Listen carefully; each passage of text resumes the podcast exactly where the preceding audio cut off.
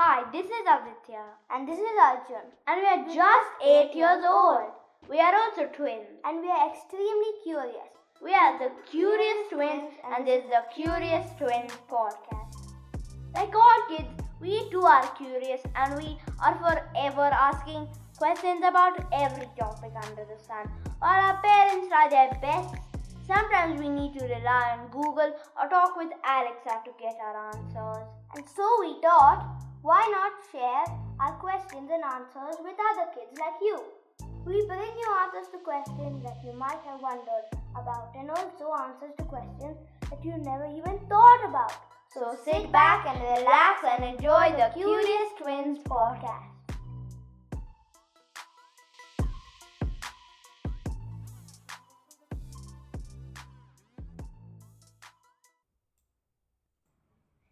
Here, there's a bee in the house. Run! Quick, open the door to the balcony. Let me guide the bee out. Come, come, come. There you go, Mr. Busy Bee. Gone. Phew. Thank God we are able to get it out without it stinging us. Is it true that bees die if they sting somebody? You are correct. Honeybees die if they sting somebody. That's because when it stings a person, it has to leave behind its stinger and along with it parts of its abdomen and stomach. It cannot survive after that. Bumblebees and yellow jacket wasps have mostly smooth stingers and can attack repeatedly without harming themselves. And why are these bees so noisy? Where does the buzz come from? The reason bees are so noisy is because they beat their wings 11,400 times in one minute.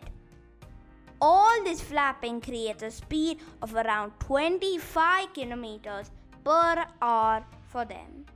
Wow, I did not realize they were so fast. No wonder you can never escape if they decide to chase you. By the way, you also said Miss Busy Bee. How do you know it's a female? That's because only female bees get out and do the work. The males stay in the hives all day. Only the females are equipped with the stingers and use it to protect its hive and itself. Is it the female bees that make all the honey as well? Yes. The honey is made by the worker bees, and all the worker bees are female. They collect a sugary juice called nectar from the flowers by sucking it out with their tongues. They store it in what's called their honey stomach, which is different from their food stomach. In the honey stomach, the nectar mixes with enzymes and becomes more like honey.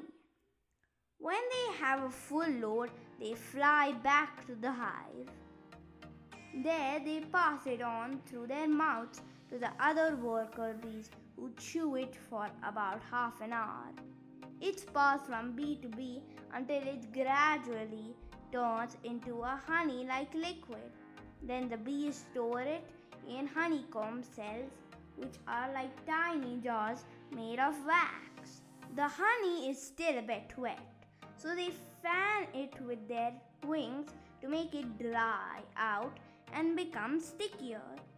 When most of the water has evaporated from the honeycomb, the bees seal the comb with a secretion of liquid from its abdomen, which eventually hardens into beeswax. Wow, that's so interesting. It looks like a lot of work. No wonder they say as hard working as bees.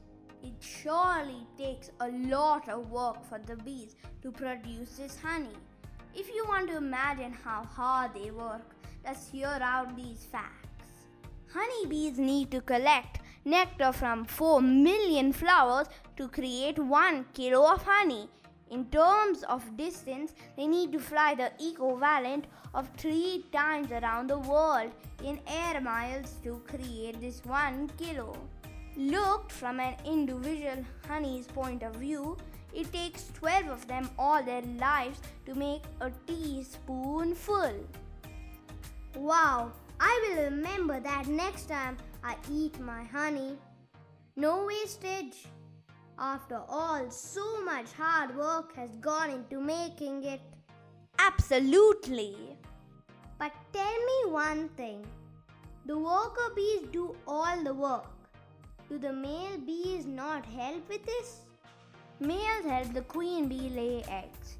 The queen bee is actually the most important player in the hive as she ensures unity in the colony and lays all the eggs. Almost 2000 eggs per day. That is more than her body weight in the eggs every day. She is continuously surrounded by worker bees who meet her every need, giving her food and disposing of her waste. Queen bees are very much like real queens. But how are queens chosen? And what happens if they die? A beehive contains anywhere from 10,000 to 80,000 bees, and only one of them is a queen. It's very interesting how bees choose the next queen. The queen lives for up to 5 years. Once the queen is ready to move on, the worker bees choose up to 20 of the fertilized eggs, seemingly at random, to be potential new queens. When these eggs hatch, the workers feed the larvae a special food called royal jelly. This helps larvae to grow larger than the drone and worker bee larvae. So all the larvae that gets to eat the royal jelly can become queens? So interesting! It gets even more interesting. Now the worker bees place the potential future queens in separate cells in the hive. Inside their cells, the larvae continue feeding on royal jelly and growing. The first larvae to mature will become the new queen. When the new queen emerges from her cell, her first job is to get rid of her competitors. She calls to the other still growing larvae who answer her. One by one, the new queen destroys these larvae in their cells. Sometimes two queens emerge at the same time. In these cases, they fight. The winner becomes the new queen. Wow! Honeybees are truly unique. But I also know that they are not just useful to make honey. I heard they are especially important for our biosphere. Exactly. Honeybees play a big role in nurturing the ecosystem. They are the most important pollinators in the world. Pollination is a key process that helps in the creation of seeds, nuts, berries, and fruits. And bees help pollinate 75% of the plants, which in turn produce 90% of the world's food. In addition, a lot of animals and birds depend on honey and bees to survive. Without bees, our gardens would be bare and our plates empty.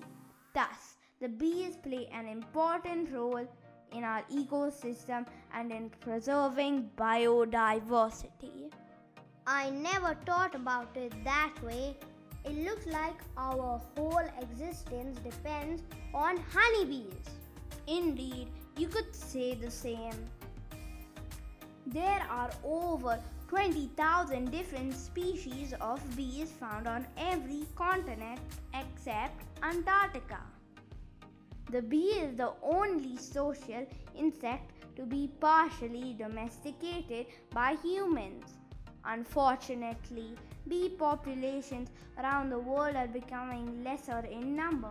Sadly, over the past 15 years, colonies of bees have been disappearing and the reason remains unknown, referred to as colony collapse disorder. Billions of honeybees across the world are leaving their hives, never to return. In some regions, up to 90% of bees have disappeared. We as children can help by making sure we don't hurt these amazing insects. We can grow more flowering plants and help create awareness of the importance of bees. This is truly important. We need to be grateful to the bees for keeping this planet alive and for creating one of my favorite things in the world honey. Hmm, honey is one of my favorites too.